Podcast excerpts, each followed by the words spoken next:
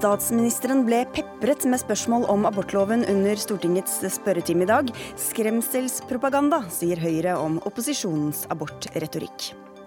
Hersketeknikker, fyll og tafsing. En ny bok om LO tar et oppgjør med påstått gubbevelde og manglende likestilling i organisasjonen. Det var da, nå er det annerledes, svarer LO. Første dissens i regjeringa. Frp vil ikke at Norge slutter seg til en internasjonal innvandringsavtale, men det skjer likevel. Og enda et forsøk på å danne regjering i Sverige gikk ad undas. Hvor lenge kan de holde på sånn?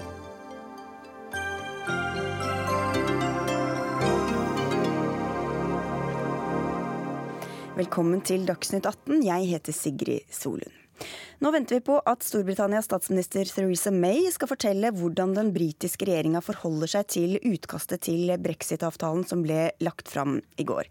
Vi kommer altså litt tilbake til innholdet i selve avtalen, og også hva regjeringa sier til den litt seinere i eh, sendinga. Men vi har med to eh, som kan eh, fortelle litt om veien hit, og hva dette kan faktisk innebære. Trine Andersen, du er redaktør for nettstedet Britisk politikk og har fulgt denne prosessen prosessen. Hva er det som har preget det som har skjedd nå det siste halvannet året og toppet seg de siste dagene? Ja, du kan si at Det som har preget det siste halvannet året, det er vel det som også har preget de siste timene. Det er nemlig usikkerhet. Hva er det som nå skjer? Og Det vi også ser, er jo et svært splittet eh, konservativt parti. Og Det kan kanskje tyde på at det er splittelse i regjeringen også, siden det drøyer med en avgjørelse. Det var jo ventet en avgjørelse nå i sekstiden. Men eh, de siste meldingene fra journalistene som står eh, utenfor Downing Street, er, jo at dette kan ta faktisk et par timer til. Så det er spennende timer nå i kveld. Vi har med oss eh, også mm, London-korrespondent, skal vi se. Øyvind Nyborg med på telefon. Er du med, eller skal vi vente litt? Ja. Du, vi tar bare, bare, Før vi går til han, Andersen, bare si bitte litt om eh, hvor, hvor, saken står. Altså, hva er, det, hva er, det, som har skjedd, og hva er det som skal skje nå de neste timene og dagene? Ja, Det som nå skjer, er jo at regjeringen skal ta stilling til et utkast som ble klart i går kveld. Utkast til en skilsmisseavtale mellom Storbritannia og EU.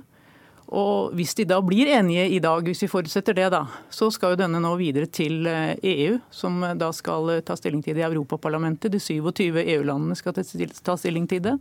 Og så skal den også, også, opp i Underhuset i eh, London, og det er jo der vi kanskje venter den største motstanden. Mm, så det er slett ikke sikkert at dette går igjennom? Jeg tror ikke det er så sikkert at det går igjennom. I hvert fall ikke slik som det ser ut nå. Mm. Men altså, det er britisk politikk. Det er vanskelig å spå. det er ikke bare britisk politikk, det er jo også EU-politikk. Eh, Ulf Sverdrup, du er direktør ved Norsk utenrikspolitisk institutt. Altså NUPI, hvordan vil du oppsummere hele denne prosessen fra folkeavstemninga fram til i dag? Ja, Det er en lang prosess som vi ikke ser slutten av foreløpig.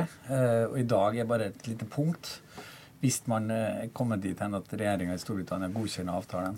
Det som du sier, er folkeavstemning man hadde som sankthansaften 2016. Eh, og nå eh, har man et utkast til en avtale om skilsmissen.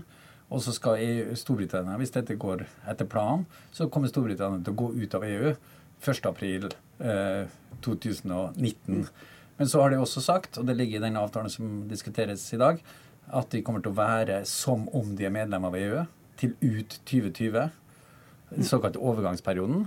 Og så i den perioden mellom 2019, altså april 2019 og 2020 skal man bli enige om det fremtidige forholdet. Mm.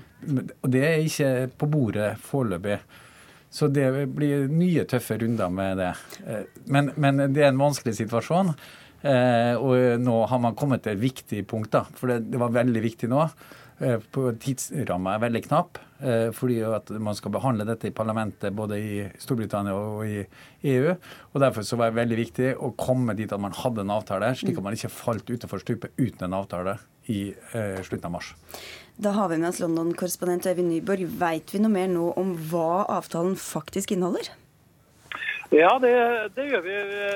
Og veldig mye har jo vært klart veldig lenge. For det første så, så dreier det seg jo om eh, at man har blitt enige om hvor mye Storbritannia skal eh, betale for eh, den eh, moroa de har vært med på å eh, vedta for EU eh, for årene. Og det er et ganske stor sum penger. Og så er man enige om at det skal være en overgangsfase på rundt eh, to år. Og, og, det tredje da nå også, som har vært det vanskeligste spørsmålet, som har dreid seg om grensen eh, mellom Nord-Irland og Irland, det har man kommet i mål med. og eh, Hvis man skal tro de lekkasjene som eh, har vært, så går det rett og slett ut på at eh, Storbritannia, hele Storbritannia skal være en del av EUs eh, tollunion dersom EU eh, og Storbritannia ikke klarer å få til en handelsavtale som er eh, eh, like bra som eh, den man har nå i forhold til å få til en sømløs grense mellom Nord-Irland og Irland. Eh, og det er selve eh, kjernen i det spørsmålet. Men akkurat hvordan eh, man skal da eventuelt komme ut av den midlertidige ordningen, hvem som skal bestemme eh, om, eh, om den garantien skal tre inn eller ikke, det er eh, opp til detaljen. Det vet vi ikke helt ennå. Det er jeg ikke helt sikker på om May vet heller. Hun blir jo også beskyldt for forræderi, bl.a. fra enkelte. Men hva er det ellers beskyldningene mot henne går ut på, både fra EU-tilhengerne og EU-motstanderne? Det er jo klart at eh, De mest hardtslående brexit-forkjemperne har vært de som har ropt uh, høyest. og En av de mest uh, høyrøstede har jo selvfølgelig vært en nei-general og tidligere utenriksminister Boris Johnson. Han sier jo at slik det ligger an nå, så, så vil Storbritannia bli en, et underbruk, en basalstat under Brussel. Og det han og hans meningsfeller bekymrer seg aller mest for, er om denne garantien da, som jo innebærer at Storbritannia kan være en del av EUs tollunion midlertidig, om, om, den midlertidigheten kan bli permanent. og Det er deres store, store Trine Andersen, eh, Theresa May har jo vært i hardt vær. Eh, kan denne avtalen nå gjøre livet litt lettere for henne framover, tror du? Tja, igjen så er det vanskelig å spå. Men ja, hvis hun får med seg regjeringen, så kanskje. Men jeg tror det bare er i en tidsbegrenset periode i så fall, fram til dette kommer i Underhuset. Det, det kommer nok til å bli et ganske formidabelt kjør på henne fram mot det. Det er jeg ganske sikker på. Så en midlertidig avtale det er, altså, og det hun har fått til i stand nå, det er ikke nok til å roe gemyttene eh, Det ser i hvert fall ikke sånn ut med det vi har sett uh, i de timene etter at det ble klart at det lå en, et utkast på bordet. Ulf Sverdrup, EU lovte også tidlig at dette skulle jo ikke bli lett for britene. Hva, hva, vet vi nå om de har sine ord i behold på det punktet? Brit, nei, EU har ikke sagt det at det ikke skal være lett, nei. men de har hatt en helt annen inngang til dette. For det første så har EU stått samla eh, i denne prosessen. Det andre er at de har gitt et mandat til Barnier, slik at det er kommisjonen som har forhandla. De har også hatt en veldig rettslig inngang i det. Eh, fylt, fylt noen prosedyrer, satt opp noen prinsipper. De har lagt høy grad av åpenhet i prosessen. Og i tillegg så kan man si at de har tenkt på hva skal være neste land som skal melde seg ut, slik at de danner presedens. Så de har laga et slags system for utmeldelse. Britene på sin side har vært akkurat omvendte. De har vært veldig splitta internt. De har uh, ikke lagt vekt på uh, jussen i dette. De har lagt vekt på politikken og trodd at de kunne lage seg avtaler med enkeltland og gå rundt EU, som ikke har ført frem. Og uh, jeg vil også si at de har tenkt på seg selv, og har ikke tenkt noe særlig på hvordan dette ser ut for EU-siden. Og det tror jeg er, Så det her er to logikker som har krasja sammen. Eh, men jeg tror EU er i dag veldig tilfreds med at det er en avtale. Eh, det er en stor eh, negativ ting for EU at britene melder seg ut. Men det er om å gjøre kostnadene ved den skilsmissen minst mulig. Kan jeg bare si også til det du sa, Britt. Jeg tror kanskje den avtalen kan gå gjennom i britiske parlamentet. Ikke fordi det er så mange som liker den, men fordi at eh, få liker den. Eh, ja, og, og, det ligger der. Det er ikke, fordi, altså, poenget er at det er litt det samme som den norske EØS-avtalen. Veldig få elsker EØS, og egentlig det var en nest beste løsning for de fleste.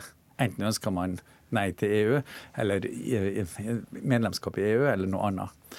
Men så endte man opp, det var bare KrF i Norge som hadde EØS som førstevalg.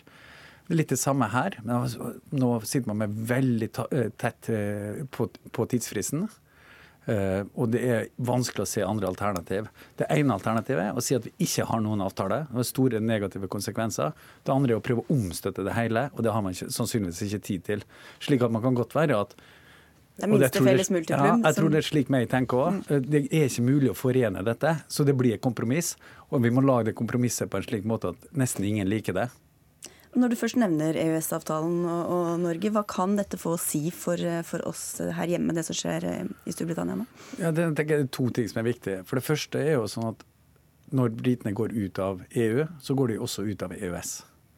Og Norge kan ikke forhandle om vilkårene for utredelse av EØS og vårt fremtidige forhold til Storbritannia før EU er ferdig med det. Men vi ønsker samtidig at vår, vår relasjon til Storbritannia ikke skal ha noe disrupsjon eller opphold. Så det er veldig viktig for oss å få tid, og sånn at vi òg kan legge planer i vårt forhold til Storbritannia. En avtale muliggjør det. Så Det er det første. Det andre er jo rundt Norges fremtidige forhold til EU. Det er en debatt i Norge, og har vært det lenge, om hvilke forhold vi skal ha til EU. Og noen har tenkt som så OK, hvis, eh, hvis britene får en tilknytningsform til så kanskje den blir attraktiv for Norge også. Og Der tror jeg det er kommet noen viktige lærdommer for Norge. For det første er at å forhandle med EU om å trekke seg ut er veldig vanskelig. Selv for store, mektige land. Og det andre er at man ender jo opp med en løsning som er veldig lik den Norge har. Den heter ikke EØS, men dette er jo i realiteten deltakelse i indre marked. De velger også tollunion hvis dette blir liggende. Så de er nesten mer integrert. Og i tillegg så, eh, så er de med på mange andre ting. Og de følger mm. EU-retten og plikter seg til å følge den i lang tid fremover. Og dette, De har vel også skult litt til, eh, til Norge underveis her, Andersen? Ja, det har de gjort. Men de som virkelig skuler til Norge, det er jo skottene. De sier jo hele tiden at de vil ha en norsk avtale. Så 'look to Norway' er jo noe de faktisk sier veldig mye i Skottland. Og, og vel, jeg syns det er veldig spennende å se nå hva denne avtalen egentlig, som ligger på bordet her, egentlig innebærer. For det vet vi jo egentlig ikke. Ja. Og det jeg er veldig spent på, er i hvert fall om det er, ligger i den en liten særavtale for Nord-Irland. Mm. Og, det, og, Nyborg, på, på, tampen her, da, Hva er det alle kommer til å kaste seg over når, når, dette blir mer klart og tydelig hva det faktisk innebærer? Hva er det vi ser etter da? Unnskyld, hva sa du, Nyborg? Jeg vet ikke helt om jeg forsto det. Oh, nei, nei, jeg bare tenkte på Hva er liksom de store spenningsmomentene nå framover når, når, mer blir klart, og hva som, hva som er innholdet i eh, avtalen? Eh, det store spørsmålet som jeg var inne på, er jo selvfølgelig da eh, på hvilken måte eh, hele Storbritannia skal kunne løsrive seg fra EUs eh, tollunion dersom eh, man får til en avtale mellom EU og Storbritannia som, er, som sikrer da denne sømløse handelen mellom Nord-Irland og Irland. Det er det store og tekniske spørsmålet. for det, det er også det store ideologiske spørsmålet her. Mm. Brexit-forkjemperne vil Eh, at man eh, løsriver seg mest mulig fra EUs regelverk og institusjoner. Og så blir det, som dere har vært inne på, en stor balansegang her mellom eh, det konservative, som, det konservative partiet som er fullstendig splittet, et Labour som er opptatt av miljøspørsmål, felles regelverk der, og også arbeidsfolks rettigheter. At det skal være Eh, like bra eh, som eh, i dag. Og så har du også i Nord-Irland, der det demokratiske unionistpartiet, som har da ti representanter i Westminster, de må også blidgjøre. Så her står Theresa May i en stor spagat. Hun kan komme til å klare det, men kanskje ikke helt uten mm. at det konservative partiet rives fullstendig i filler. Ja, jeg vil bare kommentere litt av det, akkurat det Øyvind Nyborg sier her om eh, det, disse ti representantene fra Nord-Irland. For det høres jo liksom så få ut, ti representanter av 650 i parlamentet. Men jeg vil bare minne om at det er jo de ti som gjør at faktisk Theresa May kan holde på et flertall i parlamentet. Hun har jo i dag ikke noe flertall. Så hun må støtte seg til disse ti. Hun må få disse ti om bord. Det er hun nødt til, rett og slett. ja, jeg skjønner. Jeg sa avslutningsvis, men her melder det seg folk fra hele verden, hadde jeg nær sagt. Vi har med oss deg også, europakorrespondent Philip Lote. Hva, hva, hva, mer kan du si om, om innrømmelsene EU har gitt, har gitt nå i disse forhandlingene? De har jo hatt en linje hele veien om at Storbritannia egentlig ikke kan plukke de gode bitene fra EU, bare ta de delene de ønsker. og Det er jo det som har gjort forhandlingene vanskelig sett med britiske øyne. Man har ikke kommet noen vei. Og så har man den siste tiden sittet intenst og oppriktig, sier begge parter, forsøkt å finne en løsning på dette tollspørsmålet, som da også skal gi en løsning på Eh, spørsmålet om grensen mellom Irland og Nord-Irland. Mm. Men det siste vi hører nå i kveld da, fra, fra, London, er jo dette med disse tolv skotske konservative. Altså at det konservative partiet Skottland er tvilsomme til avtalen pga. fiskerirettigheter som EU skal ha klart å få helt på slutten av forhandlingene. Sånn at Storbritannia, og inkludert da Skottland, ikke blir en suveren eh, fiskerinasjon. og Det skal være noe av grunnen til at eh, nå møtet tar lengre tid. Det skulle jo vært en uttalelse klokken 18, og nå kommer den kanskje om to-tre timer. Du, helt til slutt her, eh, Philip. Ulf Sverdrup sa her i studio i stad at har, britene og EU har hatt ganske ulik tilnærming til hele disse forhandlingene. Hvordan har det britiske forhandlingene, eller delegasjonen, det, det, det utgangspunktet der blitt mottatt i EU? Altså, de har hatt et klart mandat, og det som har vært uh, spesielt med forhandlingene sett med EUs øyne, er jo at de har klart å stå så samlet at det har vært uh, tilnærmet null uh, alenegang fra noen av medlemslandene. At de har stilt seg bak forhandlingsleder Michel Barnier, og hvor linjen har vært hele tiden at de skal bevare det indre markedet. Altså Det indre markedets integritet skal beskyttes. Det er det aller viktigste, det er det EU er bygd opp rundt. Eh, og når da britene har kommet med forslag som gjør at man skal være litt med, ikke helt med, så har det da i all hovedsak blitt eh, avvist. Og så har man kommet med noen små innrømmelser nå på slutten, og så får vi se om eh, dette er gode nok innrømmelser. Men EU har hele tiden sagt at det som Storbritannia deres tilnærming, er på en måte at de ønsker både å være en aktør alene i verden, og så ha tilnærmet til samme markedstilgangen i EU. og Det har de sagt at det er jo to forskjellige eh, mål som ikke er mulig å oppnå. Takk skal dere ha alle fire, da, både Philip Lote og eh, Øyvind Nyborg med fra London eh, og Brussel. Og takk til Trine Andersen fra Britisk politikk og Ulf Sverdrup fra NUPI.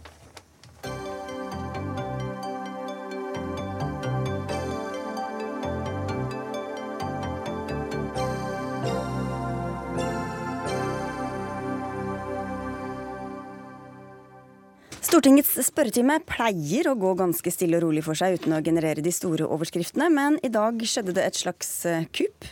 Arbeiderpartiet og Sosialistisk Venstreparti benyttet nemlig anledningen til å pepre de oppmøtte regjeringsmedlemmene med spørsmål om mulige endringer av abortloven.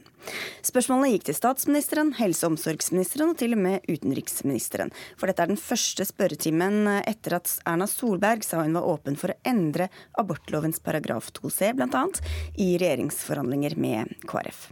Og Ingvild Kjerkol fra Arbeiderpartiet. Eh, Erna Solberg sa til Dagbladet i dag at spørretimen lignet en aksjon. Var det en abortaksjon forkledd som spørretime vi så i dag? Det var det ikke. Eh, Stortinget, vi som sitter der, vi sitter i lovgivende forsamling. Og når landets statsminister åpner for å endre en lov, så er Stortinget i sin rett til å spørre om det. Og det gjorde mange representanter fra Arbeiderpartiet i dag. Selv om ikke dette var politikk fra regjeringshold?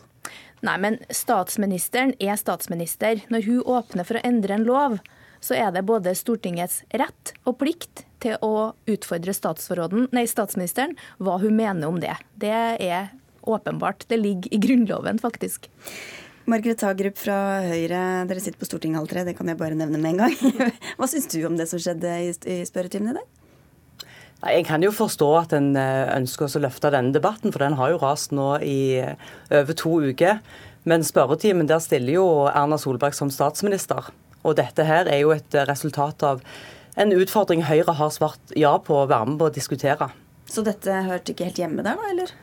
Nå har ikke jeg vært på Stortinget mer enn i ett år, men eh, nei, det hørte nok ikke helt hjemme. Det fører med deg da, Kari Elisabeth Kaski fra SV. Dette er jo ikke noe regjeringa har vedtatt. Hvorfor skal da hele spørretimen handle om det? Det er helt normalt at man også i spørretimen eh, debatterer og stiller spørsmål om, om saker som ikke nødvendigvis regjeringa enda har presentert. Det gjorde Erna Solberg når hun eh, stilte spørsmål til statsminister eh, Jens Stoltenberg eh, i sin tid. Eh, og det skulle bare mangle at vi løfter et spørsmål som har skapt enormt mye engasjement, som kommer til å innebære at tusenvis av kvinner og menn demonstrerer på lørdag inn i Stortinget. Og det her er jo en uttalelse som har kommet fra landets statsminister, og som jeg tror har gjort veldig mange kvinner bekymra for om eh, rettighetene som man har i dag, skal bli svekka. Da, da, tenker jeg at det er vår jobb som stortingsrepresentanter å, stille spørsmål for å få klarhet i hva det er regjeringa vil gjøre. Og Bakteppet her er vel også at uh, det er flere som er litt etterlyst, andre likestillingsministeren og andre som ikke har vært på banen og, og, og diskutert uh, denne saken, Hagerup. Så hvordan skal ellers opposisjonen få svar på hva regjeringa faktisk kommer til å gjøre? Nei, det var jo et godt tips å invitere meg, da. Som ikke har fått spørsmålet før. Men, men klart, vi har invitert mange, vi også, bare for å ha sagt det. Nei, altså tematikken har jo kommet opp på en utfordring fra KrF. Og det Høyre har sagt, er at en er villig til å være med og diskutere dette. Hvis det skal diskuteres etter en eventuell regjeringsforhandling, så er det jo Stortinget som er lovgiver og eventuelt vil ha en diskusjon på dette. Så det en har sagt på inneværende tidspunkt er jo ikke mer enn at en er åpen for å diskutere dette her. Men mener du da at opposisjonen skal sitte stille og vente og se hva som eventuelt kommer ut av forhandlingene før, før det engasjerer seg? Nei, jeg syns jo det er viktig, og jeg syns jo det er kjekt å kunne stille i denne debatten, for jeg syns det er en viktig debatt å ta. Og så er det òg viktig at vi ikke diskuterer på strikkepinneretorikken. Og det er det ingen av mine motdebattenter som har gjort nå. Men i de to siste ukene så har det vært en tendens mot det. Og Som kvinne så kan en jo forstå at en blir bekymra da, for da tror en jo at dette omhandler retten til selvbestemt abort. Og Det gjør det jo på ingen måte, for den retten ligger jo fast inntil tolv uker. Og etter tolv uker så må en kvinne i en nemnd, og det må en i dag, og det må en antageligvis òg i framtiden. Det er jo ikke bare sånn at statsministeren har åpna for å endre en lov. Om statsministeren i tillegg er partileder i Høyre og ønsker å forhandle om et nytt flertall, så er det først og fremst Erna Solberg sin utfordring. Stortinget må forholde seg til at hun er statsminister. hva, hva ble sagt om det i dag fra, fra statsministers hold eller Høyre-lederens hold? Litt avhengig av hvordan du ser på det. Eh, statsministeren begynte med et ganske foruretta innlegg, hvor hun mente det var nesten uhørt at hun skulle møte og svare på disse spørsmålene. Det syns jeg var et overtramp av statsministeren, fordi at hun har åpna for å endre loven, og har ikke bare gjort det, hun har gått langt i å karakterisere dagens lovtekst som diskriminerende. Hun har brukt eh, begrepet Downs-paragrafen om en nøytral, objektiv lovtekst, og hun har gått langt i å argumentere for hvorfor den må endres. Hvilket storting har vi hatt da, om vi skulle latt det passere? Vi er representanter som skal vedta lovene, og vi er valgt som ombudsmenn og ombudskvinner. Så jeg mener at det var en litt uverdig opptreden fra Erna Solberg i starten på spørretimen i dag. Hun har gått langt i å synliggjøre endringer. Selvfølgelig har hun ikke foreslått å endre retten til selvbestemt abort, som i dag er tolv uker, men hun har angrepet den paragrafen som gir eh, kvinner som får en dårlig nyhet etter de har valgt å beholde okay. barnet sitt, for denne paragrafen er nemlig veldig viktig. Eh, kvinner beholder barnet sitt, går over den selvbestemte grensa, og så får man beskjed om at noe er alvorlig galt. Så dette er jo familier i dyp krise og sorg, ja, men, som Erna Solberg okay. vil gjøre det vanskeligere ja, vi, har, vi har diskutert det spørsmålet mange ganger, men vi kan prøve å holde oss til, litt, til hva som skjedde i dag også. Hagerup, er ikke, Vi har jo invitert Erna Solberg, hun er ikke her. Men uverdig fra, fra Erna Solbergs hold, blir det sagt her. Hva sier du til det? Nei, Jeg svarer jo igjen som jeg har svart, at hun har svart på en utfordring som KrF har kommet med, om en er villig til å diskutere enkelte elementer med abortloven, bokstav 2c. Men hvordan syns du hun svarte i dag i Stortinget? Jeg vet ikke hva hun svarte engang. Hva var det hun egentlig sa? Nei, Jeg syns egentlig at hun svarte ganske bra, for en, en rydder opp i en del misforståelser. For det er jo ikke loven i seg selv som oppfattes som diskriminerende, men det kan være praktiseringen, når du snakker om Downs-paragrafen som et eksempel. Men hele denne diskusjonen viser jo at vi ikke er, altså vi har en vei å gå på de etiske vurderingene på dette her. Kaski? Altså, jeg oppfatter at både måten Erna Solberg opptrådde på i dag, og, og, det vi hører her, også er en avledningsmanøver fra Høyre. Eh, man forsøker å, å, å, få saken til å handle om, om teknikaliteter i, i, spørretimen. Vi er i vår fulle rett til å stille de spørsmålene, men det skyldes jo at det er en veldig, veldig alvorlig sak som vi diskuterer, som Erna Solberg har bidratt til at nå eh, er et forhandlingskort egentlig, og er i spill eh, opparbeida rettigheter som, som, kvinner har i dag, er, er nå et forhandlingskort forhandlingskort i forhandlinger med, med KrF. Og, og, da må vi utfordre på hva det er som egentlig ligger der. Og det har vært vanskelig få klare svar fra både Erna Solberg og fra ulike statsråder. Og likestillingsministeren vil jo ikke stille det helt tatt på hva det er de faktisk eh, mener at skal være Høyre sitt utgangspunkt ja, i de forhandlingene. Men, men hvorfor kan dere slå deg til ro med at Erna Solberg sier at her skal ikke kvinnene få noe mindre selvbestemmelsesrett? Fordi at de eh, fortsatt åpner for å endre den paragrafen, og da fjerner de objektive kriteriene som ligger ligger der i dag til grunn, eh, knytta til f.eks. alvorlig sykdom. Men Hvis det blir veid opp på annet vis, da, så, som Høyre har sagt at det skal? Så sier de da at, at, kvinners vurdering skal ligge sterkere til grunn. Vel, altså, Når kvinnen i uke 18 eller uke 19 har gått gravid ganske lenge, begynt å føle på det å være gravid, kjenne kroppen sin endre seg, um, søker om abort vel, da har du tatt en beslutning. Da har du tatt en vurdering om ditt liv. Aborten kommer jo ikke eh, automatisk. Du må faktisk gå gjennom den søknadsprosessen. Og, og da, da, har du faktisk allerede gjort den vurderinga. Og da blir det subjektive kriterier da, som skal ligge til grunn, og det, det tror jeg mange kvinner er ganske bekymra for. Og med alle de innspillene som har vært fra veldig mange forskjellige hold, Hagerup, så er det kanskje ikke så rart at noen etterlyser hva som faktisk ligger i disse endringene som kan komme? Nei, men så må vi også ha respekt for at de objektive kriteriene kan oppleves som diskriminerende for enkelte. Eh, lederen for Norsk nettverk for Downs syndrom skrev jo i Aftenposten at eh, i, i debatten om abortlovens paragraf 2c så har mange funnet fram boksehansker og ropert, men det fortjener heller lange tanker og silkehansker. Og Det gjør det jo for kvinnene kommer i en nemnd. Dette her er utrolig vanskelig situasjon uansett hva det er. Men vi mener at da, hvis vi skal diskutere dette her, så er det kvinnens rettigheter som skal stilles sterkt her. Det går på familieforhold, det går på livsopphold og hva kvinnen kan. Så, det er jo ikke alle som har, er, Vi har jo hatt veldig mange ringerunder rundt til Høyre-folk uten å få tak i så mange. men eh, Kanskje ikke vi har ringt deg, men hva mener du egentlig om denne saken? da? Jeg mener at med den teknologiutviklingen vi stadig har i samfunnet, Høyre har vært gjennom en tøff debatt om bioteknologi nå nettopp, så er vi nødt til å ta disse diskusjonene. Eh, og Hvis jeg skal ta eksempel med fosterreduksjon, som vi ikke diskuterer og har diskutert, så viser jo det òg at lovverket når det ble lagt for 40 år siden, ikke hadde den teknologien vi har i dag. Og Det som jeg tror er i alle fall viktig, er at hvis vi ser 40 år fram i tid, så må vi vite at vi kommer til å ha mange diskusjoner. Og jeg er glad for at vi kan sitte og debattere dette i dag, og at vi kan gjøre det på en fornuftig måte. Men når Høyre sier at de åpner for å endre, og sier at kvinnene skal få mer medbestemmelse, men ikke sier hvordan det skal skje, hvordan skal da opposisjonen bare kunne sitte, lene seg tilbake, og andre for den saks skyld, og vente på at dette sikkert går bra? Det er jo ingen i Høyre eller andre plasser som har konkludert med noen ting hva en eventuelt skal gjøre. Vi har sagt at vi er villige til å være med på den diskusjonen. Og vi mener at det er en viktig diskusjon. For skal du la teknologien styre, eller skal en òg være med å ta styring? Og da må vi snakke om dette her. Og da sier jo mange at nå hele abortloven er i spill, og det er ganske sånne store ord som blir brukt, Kjerkol, før vi i det hele tatt vet hva som kan ligge på bordet. Det er fordi at det er en så viktig lov for norske kvinner. Det handler om trygghet for liv og helse. Det handler om retten til å bestemme over egne liv. Og dette er en lov som har tjent oss godt i 40 år. Hvis man ønsker en lavmælt eh, diskusjon om denne loven, så bør man ikke kaste det inn i et maktspill hvor ett eh, parti som ønsker å endre loven, har en diskusjon med seg sjøl. Og jeg må bare si det at Statsministeren hun har skrevet blogg om det her, hun har sagt det på TV-en. Hun har ganske konsekvent brukt begrepet Downs-paragrafen. Jeg tror at veldig mange mennesker opplever det i seg sjøl som stigmatiserende.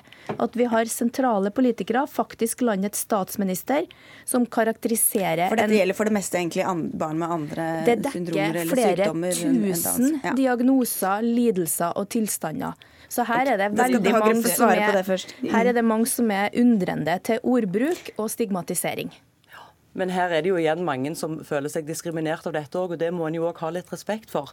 Og så er det jo sånn at med, utvik... ja, men med utviklingen som er i teknologien, så jo, er det jo et valg om å styre. og Da kan en jo spørre Arbeiderpartiet. Hvilken... Mener dere at teknologien bare skal styre, eller skal vi diskutere og sette diskutere når som helst bioteknologi med Høyre, men dette er abortloven vi diskuterer.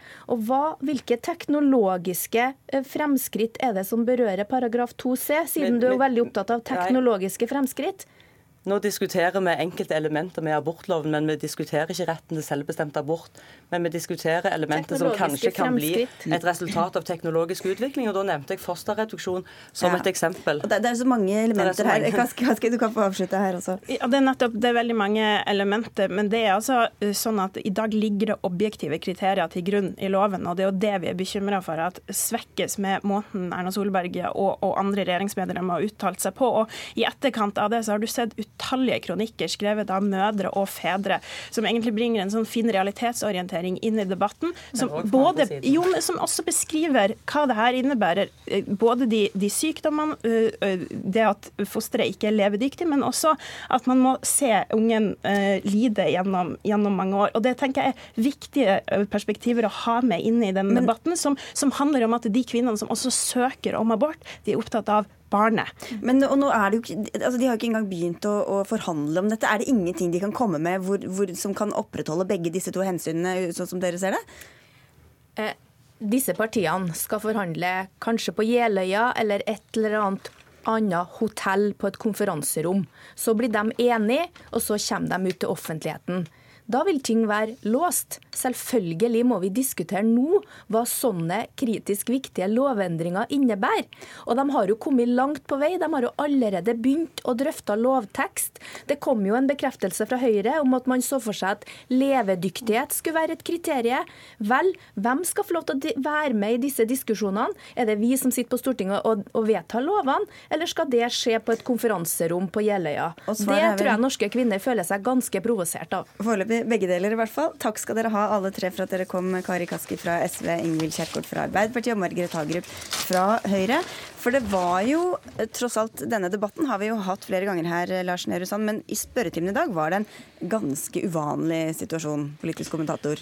Sand. Ja, det handler jo mer om eh, de interne husreglene nær sagt, på, på, Stortinget, og det at man bruker den ordinære spørretimen, der hvor man sender inn skriftlige spørsmål på forhånd, til å stille spørsmål om det som kanskje blir politikken til en regjering som kanskje blir noe av en gang i fremtiden. Eh, men det er jo også eh, spesielt at en, eh, en statsminister, som hun jo alltid er, uansett hvilken annen hatt hun, hun samtidig har på seg, går ut og, og forskutterer hvordan Høyre stiller seg til en, en forhandling dersom regjeringen hennes skal utvides, og svarer såpass konkret som hun jo gjorde på utfordringen fra nestlederen i, i Kristelig Folkeparti. Ja, for Hun sa hun svarte som Høyre-leder og ikke som statsminister i, i spørretimen i dag, men hun sa vel også at hun bare kunne latt, være å svare. Men hvorfor gjorde hun det likevel? Jeg tror ikke det hadde sett veldig bra ut uh, verken for Høyre eller Solberg om hun bare hadde vist til noen formaliteter og så gått og, og satt seg, uh, selv om hun kunne det. Men så lenge også presidenten sier at dette kan passere, så, så, er det jo åpent for å, å, diskutere det i Stortinget med de rammene som er for, for dagsorden. Og, og, Solberg valgte jo da å, å svare som hun ville på, på det faktuelle i, i saken. Men kan hun svare bare som Høyre-leder og ikke som statsminister? når hun står der? Altså, det er jo noe med spørsmålsinstituttet i Stortinget som gjør at hun er invitert som statsminister og leder for, eller regjeringssjef. Men uh, hun må jo vite at hun, uh, uansett hvor hun er, om det er i en aviskronikk, om det er her i Dagsnytt 18 eller om det er på Stortinget, så er hun til enhver tid landets statsminister i tillegg til å lede Høyre. Men det er jo riktig som Solberg selv sier, at dette var sagt som leder for et parti som sammen med andre partier uh, sannsynligvis da skal forhandle om en, en regjeringsplattform. Og med tanke på disse litt, litt uvanlig som skjedde. Hva, hva, åpner det for ved framtidige spørretimer, også med andre konstellasjoner? Det, det, Solberg var tydelig på, var at hun som ja, Høyre-leder godt kan tenke seg å, å, reprisere dette når den dagen et annet parti, f.eks. Arbeiderpartiet, skulle sitte med makten, og utfordre en Arbeiderparti-statsminister, f.eks. Jonas Gahr Støre, på, på, interne forhold, programprosess i Arbeiderpartiet, eller andre ting som ikke nødvendigvis er en del av regjeringens arbeid. Og så til det vi kanskje ikke ble så kloke på i stad. Hva var det egentlig som ble sagt? Ble noe, fikk vi noe svar på hva som faktisk ligger i det Høyre har åpna for i, i Stortinget i dag? Nei, egentlig gjorde vi ikke det. og I hvert fall ikke noe mer enn det vi allerede lurer på. Eh, det er jo selvfølgelig godt hjulpet av det faktum at det ikke er landa noe tekst fra, fra verken Høyre eller, eller, alle de eh, partiene som skal bli enige. Så det som jo kompliserer dette for eh, Erna Solberg, for Høyre og for så vidt også for Kristelig Folkeparti, er jo at denne debatten er kommet inn i et spor som jeg tror ingen av partene egentlig liker, og hvor det fortsatt er litt høytsvevende, i hvert fall for meg, hvor hva man faktisk ønsker å gjøre noe med? Ønsker man å fjerne hele lovparagrafteksten i bokstav 2c, eller ikke? Skal man kun gjøre noe med det såkalt diskriminerende elementet, eller det som oppleves diskriminerende, som jo ikke er eh, ord, ordlyden i, i, i, selve lovteksten, men, men i forarbeidene? Eh, ønsker man at effekten av den endringen skal gjøre, man skal gjøre, eh, kun skal handle om at loven må endres fordi loven handler om hvordan vi som samfunn er? Eller ønsker man å endre lovteksten for å få en faktisk nedgang i aborttallene? Eh, alle disse tingene der syns jeg verken debatten i Stortinget i dag eh, eller debatten i samfunnet for øvrig har, har gitt oss noe svar på, og noe vi i ytterste konsekvens kanskje da må vente helt til de fire partiene eventuelt blir enige om en tekst, før vi får Eh, klart svar på det. Og imens er det ganske ulike virkelighetsfortellinger som prøves å fortelles fra de forskjellige ståstedene her. Kan man trygt si. Takk skal du ha, Lars Nehru Sand.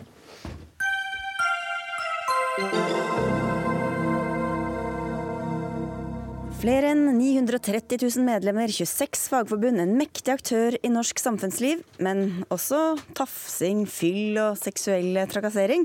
Nå skal det handle om LO her i Dagsnytt 18, nærmere bestemt en ny bok om eh, Landsorganisasjonen. Skrevet av to tidligere forbundsledere i samarbeid med journalist Bjørg Aftredt.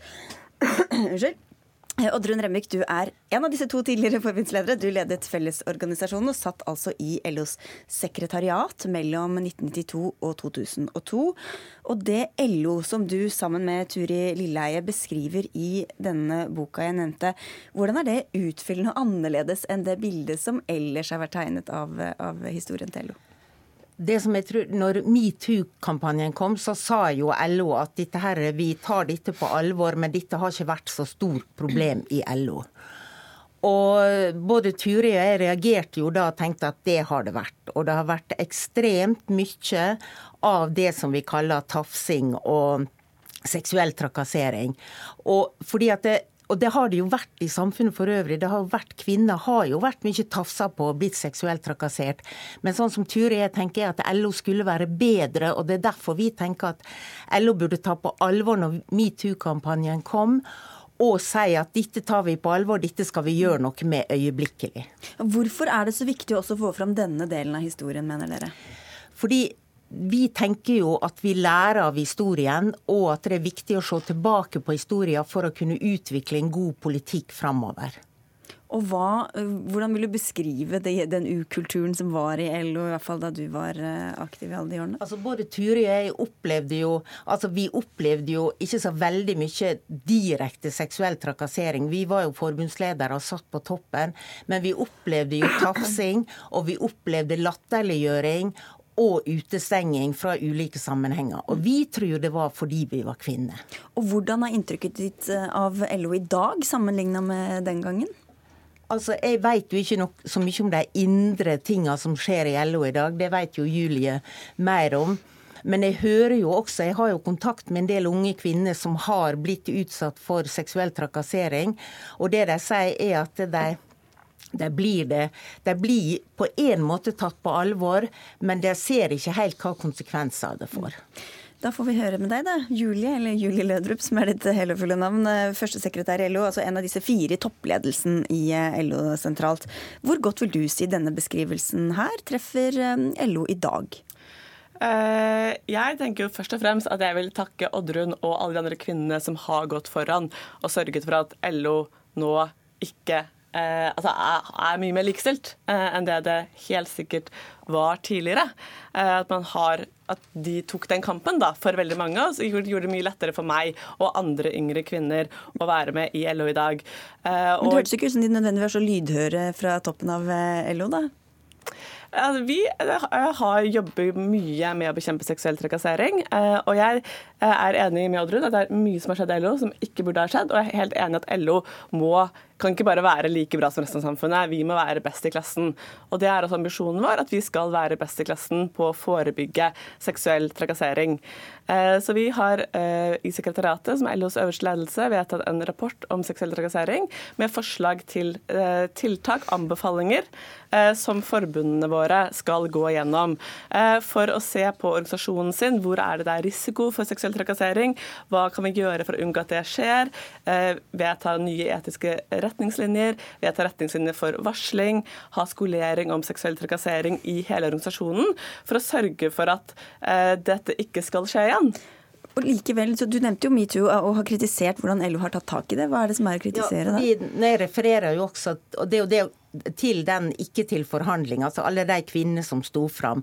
Og de måtte jo etterlyse tiltak fordi de mente at det kom for seint. Og det er jo det som jeg tenker at det er jo enkelt å si at vi skal lage retningslinjer. Ja, vi skal lage retningslinjer. Men det er også ganske enkelt å si at dette skal ikke foregå i LO. Og eh, Derfor så må vi bare vi må ha nulltoleranse for seksuell trakassering. Og det har jo du også sagt utad. Men det som både Ture og jeg syns, er jo at dette går for seint. Og vi tror jo at det henger sammen med den vi har blitt kalt den gubbekulturen. For vi tror jo også vi, tror jeg er så frimodig å tro at det er en del menn som sitter i sentrale posisjoner, som jeg skal ikke si trenere, men som er redde for posisjonene sine fordi de har gjort ting som de ikke kan stå åpent fram og si de har gjort. Jeg mener jo at LO har sagt veldig tydelig fra at det er nulltoleranse for seksuell trakassering. At det sa vi eh, med en gang metoo-kampanjen eh, begynte i fjor, og det er vi fortsatt med å si. Og jeg mener det er bra at vi gjør et grundig arbeid. At eh, i Likestillingsutvalget der alle forbundene sitter, så har vi gått gjennom arbeid som gjøres i alle forbund, funnet ut hvordan kan vi gjøre det bedre, snakket med Likestillings- og diskrimineringsforbudet, snakket med Arbeidstilsynet, og skal sørge for at denne jobben gjøres skikkelig. For vi må jo si det er null, eh, nulltoleranse for det. Men samtidig så kan det jo hende at i f.eks. et eh, kvinnedominert forbund som FHR, er det andre ting som bør gjøres enn i kanskje et mannsdominert forbund som Industri Energi. Det er jo ikke noe vits at vi sitter i LO og lager sånn one size fits all-opplegg. Arbeid mot seksuell trakassering fungerer best når man snakker om det, når man lager eh, retningslinjene, eh, aktivitetene selv, og så det er forankret, sånn at folk føler et eierskap til det, ikke bare får et skriv på mailboksen. Remik, Det er ikke bare metoo, men det er hele egentlig likestillingsarbeidet både internt i LO, som du også da setter i sammenheng med det likestillingsarbeidet og likelønnsarbeidet som LO gjør eksternt, altså utad. Hva, hva er parallellene der? Vi var jo, altså jeg var jo på 90-tallet så, så, hadde jo vi parole i min organisasjon da, som likestilling nå, og vi må ha likestilling, likelønn nå og likestilling. I dag så er det faktisk slik at eh, ulike lønner, altså forskjellen på manns- og kvinnelønner, øker i negativ lei. Og jeg mener også å påstå, det har Ture jeg også sagt i boka, at LO er ikke nok opptatt av likelønn. For hvis LO virkelig hadde meint at en skulle få gjennomført likelønn, så hadde en greid å gjøre noe med det. Og jeg tror jo at det henger sammen med synet på kvinner og det som vi har opplevd. og Det er der jeg mener at LO må ta tak i det med likestilling. Altså De er ikke egentlig opptatt av det? Er det det som ligger mellom Hans Christian Gabrielsen har sagt i avisen altså, i dag ja. LO-lederen har sagt i avisen i dag at vi har likestilling i LO. For det er like mange kvinner som menn i sekretariatet. Så vidt jeg veit så er det 9-6. Og det er ikke like mange. 8-7 tror jeg Lødrup skal si da. 8-7. OK, men det er likevel ikke like mange. det er vanskelig å få like mange hvis ja. tallet skal bli 15, da. Ja. Nei, men, altså, men at det altså OK, la oss, ikke la oss diskutere tall, men det med at han sier at vi har likestilling derfor at det er like mange. Og jeg tenker at må, Han må også vise vilje til å si at dette skal vi kjempe for. Vi skal få gjennomført likelønn, f.eks. Jeg kjenner meg ikke igjen i den beskrivelsen. Det er et stort engasjement for å jobbe med likelønn i LO. At man gjør det i alle oppgjør. For F.eks. så jobber man jo hardt for å få eh, løftet de lavtlønte i alle oppgjør. Det gagner først og fremst kvinner, fordi det først og fremst er kvinner som er lavtlønte. Deltid er en viktig del av likelønnsproblematikken. Det jobber vi systematisk med. Eh, og, og, og andre tiltak. Så jeg kjenner meg liksom ikke igjen i i den eh, beskrivelsen. Jeg mener at Vi jobber mye med likestilling hver dag i LO. Alt er ikke perfekt, eh, men eh, mye har skjedd, og mye skjer. Og Dere litt ulike, har litt ulike syn på hva som skal til, hvilke virkemidler som må til. og Det betyr ikke at de ikke opp, jobber med det og er opptatt av det? Det er klart at LO jobber med det i oppgjørene, men det har LO gjort. Eh, i 100 år og jobba med det i oppgjøret. Og jeg tenker at LO må være villig til å ta i i, og sette i verk utradisjonelle tiltak. F.eks.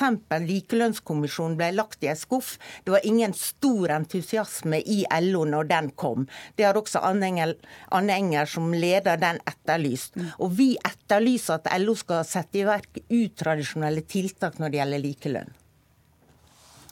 Uh, altså vi må jobbe med likelønn bredt, som du sier. Man må jobbe med det å oppgjør. Man må jobbe med også andre ting. F.eks. det med å oppfordre gutter og jenter til utradisjonelle yrkesvalg er en av mange ting uh, som er utradisjonelle, som vi uh, jobber med for å få gjort noe med likelønnsproblematikken.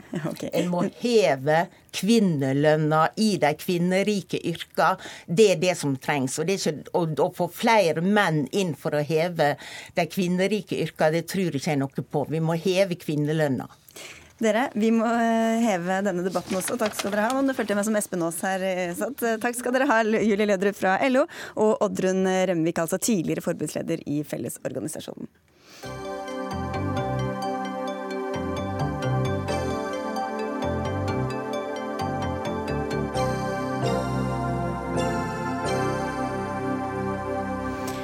For vi skal til Sverige, hvor det i dag ble klart at nok et forsøk på å danne ny regjering mislyktes. Det er over to måneder siden svenskene holdt riksdagsvalg, og i dag stemte Riksdagen altså over om Moderaternas leder Ulf Kristersson kunne danne regjering og bli statsminister.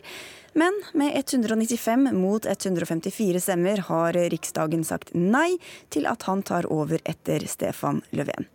Magnus eh, Takvam, politisk kommentator, du følger regjeringsforhandlingene i Sverige. Hvorfor havarerte dette nå nok en gang?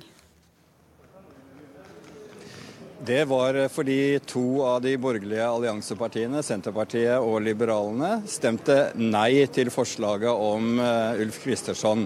Eh, altså to borgerlige partier stemte nei til en borgerlig statsministerkandidat. Og Ulf Kristersson sa vel selv at uh, dette var den uh, svarteste dagen for borgerlig samarbeid i Sverige på 40 år. Så uh, det var et slags borgerlig sammenbrudd. Og argumentene er jo velkjente fra de to sentrumspartiene, nemlig forholdet til Sverigedemokraterna. De aksepterer ikke at en eventuell regjering av den typen som var oppe til votering i dag, må samarbeide og ha budsjettavtaler osv. med Sverigedemokraterna i praksis. Har det ikke vært noen som helst bevegelse i forholdet til, eh, til Sverigedemokraterna? Nei, jeg vil heller si når det gjelder eh, synet på Sverigedemokraterna hos disse to partiene jeg snakker om, så har heller eh, konfliktnivået økt. Og den som hadde aller høyest sigarføring i Riksdagen i dag, var egentlig Jimmy Åkesson, som prøvde å skal vi si, definere en ny politisk blokk i svensk politikk. Eh, av da Sverigedemokraterna, Moderatene og Kristendemokratene. Og eh, på den andre siden så langet altså eh, Annie Løf fra Senterpartiet ut mot Sverigedemokraterna og kalte de en ekstrem høyrepopulistisk, nasjonalistisk retning som vil ta Sverige i helt feil retning og vil være et historisk feilgrep. Så det var virkelig eh, høyt konfliktnivå, og det er ingen tegn til at det, det demper seg. Og i morgen skal den eh, svenske talmannen snakke med alle partilederne. Nå virker det jo veldig fastløst. Hva, hva kan være en, en potensiell løsning om, om noen? Altså, rent formelt så regner mange med at Annie Løf fra Senterpartiet får eh, nå jobben med å prøve å sondere, som det heter, og finne et forslag til en realistisk regjering. Eh, den eneste typen regjering eh, man ser for seg som et realistisk alternativ, er jo en regjering der både Sosialdemokratene, Miljøpartiet og disse to mer liberale sentrumspartiene som jeg snakket om, er i en eller annen slags allianse. Eh, men det sitter også veldig langt inne for f.eks. Senterpartiet, som er et langt mer høyreorientert og borgerlig parti enn det norske søsterpartiet i, i, i Norge, som Trygve Slagsvold Vedum leder. Så det er ingen som tør å utelukke at det etter hvert blir ekstravalg og nyvalg. Så disse rundene ser ut til å være endeløse rett og slett her i, her i Sverige. Men hvorfor akkurat Annie Løf og Senteren? For hun Nei, for hun har insistert på å få, uh, få, få, anledning til å gjøre det, rett og slett. Og da, da, mener de andre partiene også at det er greit. Uh, man skal prøve alle muligheter og vise at man gjør hva, hva, liksom tar løpet helt ut for å prøve alle alternativer. Det alternativet hun har skissert, er jo eh, at de fire borgerlige alliansepartiene skal samarbeide med Miljøpartiet på den rød-grønne siden. Og det er det ingen som tror er eh, realistisk i det hele tatt. Og Moderatene f.eks. er helt klart imot det. Så det virker nokså lite realistisk det, det hun også har skissert opp. Men da kan det, som jeg var inne på, ende opp med at to av partiene, bl.a. Senterpartiet og Liberalene, bryter ut av alliansen og samarbeider med Sosialdemokratene og Miljøpartiet. Så eh, vi får se hvordan dette, dette løper. Og skulle det mot formodning skje noe, så følger du med og melder fra Magnus Takvam. Takk skal du for at du var med i Dagsnytt 18.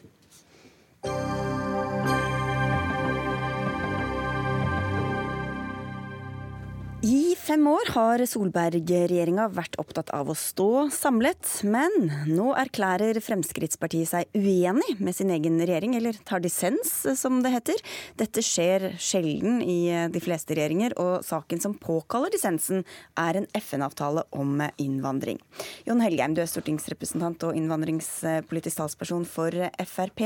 Hva er det som er så viktig med akkurat denne saken at dere da velger å ta dissens etter fem år? Dette er jo en, en, migrasjonspakt eller avtale som det er ment at eh, de fleste land eh, skal innrette seg etter. Og Vi synes at den i altfor stor grad legger opp til en tolkning som vi tror at de innvandringsliberale partier i Norge vil misbruke og, og, bruke som et påskudd for å få til oppmykninger i innvandringspolitikken. Og Det er det siste vi trenger eh, i Norge i dag. Men å ta dissens, det er jo et veldig dramatisk eh, virkemiddel. Hvor langt inne satt det hos dere? Ja, nå er det jo regjeringsmedlemmene våre som, som tar den endelige beslutningen. Men det er jo det sterkeste du kan gjøre utenom å gå ut av regjering. Så det er klart at det, eh, det sier noe om hvor viktig dette her er for oss. Og det er pga. at det er formuleringer i den avtalen som vi synes er svært uheldige, og som kan bidra til oppmykninger i innvandringspolitikken. Og det ønsker vi ikke. Vi kan jo gå litt inn på det eh, om litt, men bare for å dvele litt mer ved denne dissensen. Eh, Mari Holm Lønseth, du er stortingsrepresentant for Høyre.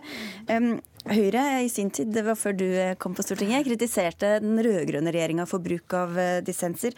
Hva syns du om at dette nå dukker opp også hos deres egen regjering? Nei, Det er jo liksom du sier sjøl, det er jo ikke noe nytt med dissenser i regjering. Vi så det flere ganger under den rød-grønne regjeringa, og nå ser vi også den første gangen etter fem år så får vi da også en dissens Jo, men det er varslet en til fra Venstre, så nå dissens. kommer de og de på løpende bånd. Eh, på løpende bånd, kan du si, men det er også varsla i regjeringsplattformen at de tok forbehold om det der. Så de sakene her henger jo ikke sammen. Men det er, det er noe sånn at det er ikke noe nytt med dissenser i regjering. Men jeg opplever at vi har et veldig godt samarbeid i regjeringa. Vi har fått til gode løsninger også på innvandring. Jeg, jeg håper ikke du tar hele lista der nå. Nei, jeg skal ikke gjøre det. Men, men det var kritikkverdig da de gjorde det, men ikke når dere gjør det. Det er sånn at det er jo ikke noe nytt med dissenser, som du Nei. også sier. Men jeg skal jo ikke karakterisere Frp forstå for hva de gjør selv, så det er best å spørre Helgheim hva han tenker om det. Så jeg skal ikke karakterisere at de velger å Jeg husker ikke hvor, krit hvor kritiske de Fremskrittspartiet var til dissensene den gangen. Det var vel mest Høyre, så kanskje. Ja, altså, alle prøver å, å, komme til en enighet i en regjering. Det er så mm. klart mm. man gjør det, men man blir ikke samme parti av å sitte i regjering. Og for uh, Frp så er innvandring den, blant de aller viktigste sakene. Uh, og hvis det kommer saker der som vi tror kan bidra til oppmykninger, så er det noe vi reagerer på. Vi har sett tidligere at tilsvarende avtaler, som også er uforpliktende og som starter ganske mykt, de blir brukt senere til å presse fram oppmykninger. Og det er eh, en uheldig utvikling som vi ikke ønsker. Ja, for nettopp dette at plattformen ikke er juridisk bindende, det innfører ingen nye forpliktelser for Norge, sier altså statsminister Erna Solberg til Aftenposten. Stoler dere ikke på deres egen regjeringssjef? Da, Vi er klar over uh, innholdet og har gått veldig dypt inn i det. Uh, og sånn Juridisk bindende er den ikke, det helt riktig. Men så starter jo det aller fleste, eller veldig mange av setningene i avtalen med at vi forplikter oss til ditt og vi forplikter oss til datt. Og Hvis man signerer på den, så vil jo selvfølgelig innvandringsliberale partier bruke det imot oss og pushe på og si det uh, i fremtiden. At dette har dere signert på, dette må vi bruke. Og dreie politikken i en retning som vi ikke trenger. Sannheten er jo at i Norge så har jo nok vi innført alle de punktene i den avtalen for lenge siden. Eh, men det eh, kommer det ikke fram, for den er utydelig, den er uklar, den er ikke spesifikk på hva slags krav som ligger i den. Derfor er det en eh, risiko å gå inn i den avtalen som ikke vi ønsker å ta. Hva er dere egentlig mest uenige om innholdet i avtalen, altså hvor bindende den er, eller om det er en bra binding og en bra politikk dere eventuelt binder dere til? Lønstedt? Jeg skal ikke svare på hvorfor vi er mest uenige, men en av grunnene til at altså, Høyre syns det er viktig å inngå den avtalen her, eller slutte seg til den erklæringa som det her egentlig er, er nettopp fordi at migrasjon er en av de største utfordringene som vi ser i hele verden. Det tror jeg også Høyre og Frp er helt enige om. Og det handler om at for Norge så kommer nok ikke denne avtalen til å medføre så veldig store endringer, men det her handler om å få noen rammer og prinsipper for de landene som kanskje ikke har så god, godt regulert eh, migrasjon som vi har her i Norge. En av de tingene som jeg er veldig veldig glad for at vi har fått klart i den erklæringa, er jo at land forplikter seg til å ta imot egne borgere som returneres fra f.eks. Norge. For i dag er det faktisk en utfordring at det er noen land som motsetter seg å ta imot sine egne borgere som ikke har lovlig opphold. Så det her er egentlig for å regulere en migrasjonsstrøm. Vi vet at utfordringa med det kommer til å bli enda større i årene som kommer. Og så er det også viktig å understreke at det her har altså ingenting å si for norsk suverenitet. Norsk innvandring innvandringspolitikk skal og vil fortsatt styres fra Norge. Ja, eh, og det, som, det, finnes positive og negative sider i denne avtalen her. Eh, det er vi også klar over. Og det at eh, man sier land skal ta imot egne borgere også når det er tvangsretur, det er bra. Men det er alle land pålagt allerede i dag. Og det er forpliktende juridiske avtaler som ligger til grunn for det. Men de landene som ikke følger opp det i dag, på forpliktende avtaler, de kommer jo ikke til å endre praksis fordi vi innfører en uforpliktende avtale. Så vi tror at de positive sidene for Norge kommer til å forsvinne. Og så er det de eh, vage formuleringene om mer rettigheter og mer lovlig migrasjon og sånt noe, som egentlig ikke bør påvirke oss, fordi vi er, vi er i mål på alle disse punktene for lenge siden og overoppfylte og kan egentlig senke altså kravene. Altså rettighetskrav. Rettighetskrav og sånt, og burde vi ha senket ned, vi. Eh, dette gjelder i stort sett for andre land, men jeg er helt sikker på at hvis partier som SV og andre kommer i regjering, så kommer de til å si at vi må ha mer rettigheter. Ja, men Det vil de jo gjøre helt uavhengig av den avtalen? Da har de et påskudd de kan bruke for å overbevise folk. Men hvis de har flertall, så kan de jo gjøre hva de vil uansett. Det kan man helt sikkert gjøre, men, men, eh, vi ønsker ikke at det skal ligge som en ekstra eh, eh påskudd for liberalister når det kommer til innvandring, for å innføre eh, oppmykninger i innvandringspolitikken. Og det, Vi ser at det brukes i dag for å overbevise også velgere og befolkningen om at vi har signert på ditt og vi har signert på datt, og vi har ikke noe valg, vi må gjøre det sånn og sånn. Selv om det ikke stemmer. Det er altså sånn at det er over 250 millioner mennesker som migrerer i verden i dag. Vi har ikke kontroll på de migrasjonsstrømmene. Og vi så f.eks. når vi hadde flyktningkrisa i 2015, at vi hadde ikke kontroll på det som skjedde. Hvis vi skal klare å få kontroll på det, så hjelper det ikke at Norge sitter alene. Hvis Europa også skal få kontroll med flyktningstrømmen som kommer fra Afrika over Middelhavet, så krever det at vi snakker sammen over landegrensene. Men, men, men, men det, som Helge hva slags praktisk, politisk, eh, eller praktiske konsekvenser får det dersom dersom dette egentlig er helt uh, ubindende og ikke krever noen ting av de landene som tilslutter seg den? Det får jo den betydninga at man endelig får snakka med de landene her for å få inngått et forpliktende politisk samarbeid. Det er noe av det som Norge i en stemmeforklaring også til det her tydelig understreker at man ønsker å gjøre. Det er ikke bare Høyre som mener det at uh, det her vil, vil uh, føre til at man får mer forpliktende samarbeid f.eks. mellom Europa og Afrika. Det mener også Inger Støyberg, som er den danske innvandringsministeren statsministeren, som mange i Frp har eh, sett det og, og vært enig med. Så jeg tror, men jeg tror vi er enig i mye av det problembeskrivelsen som kommer. Jeg bare deler ikke den samme bekymringa for at vi gir fra oss noe suverenitet på noen som helst måte. Men vi er veldig godt vant med i Frp å være først ute med å være både skeptisk og først ute med tiltak og endringer og bli skjelt ut og øh, lignende for det. Hva, hva mener om dere som sitter i regjering? Nå ble jeg ikke skjelt ut nå, men vi er godt vant med at vi blir pekt på som at vi skiller oss ut. Og vi er godt vant med å kunne si etterpå at det var helt riktig at vi gjorde det også. Så det, vi, det lever vi fint med. Dette er en viktig sak for oss. Dere gleder dere til en ny anledning til å si hva var det vi sa egentlig? Nei. Jeg håper ikke det vil skje, for da får jeg rett i mine antydninger og bekymringer om at dette her vil bidra til oppmykninger. Eh, og det håper jeg da ikke vil skje. Men det hadde vært fint å få på plass en avtale som gjorde at Norge også kunne senke kravene, og okay. andre kunne øke de, så det ikke blei så attraktivt å komme til Norge. Det her betyr egentlig status quo for Norge, men det betyr at vi kan få et bedre samarbeid om å få sikra retur, eh, bl.a. av dem som ikke har opphold i Norge. Det tror jeg også at Frp er veldig godt for. Ok, Endelig en Høyre-Frp-debatt. Takk skal dere ha, Jon Helgheim og Mari Holm Lønseth. Dagsnytt 18 er over for i dag. Anne Katrine Førli, Finn Lie og jeg, Sigrid Solund, takker for oss.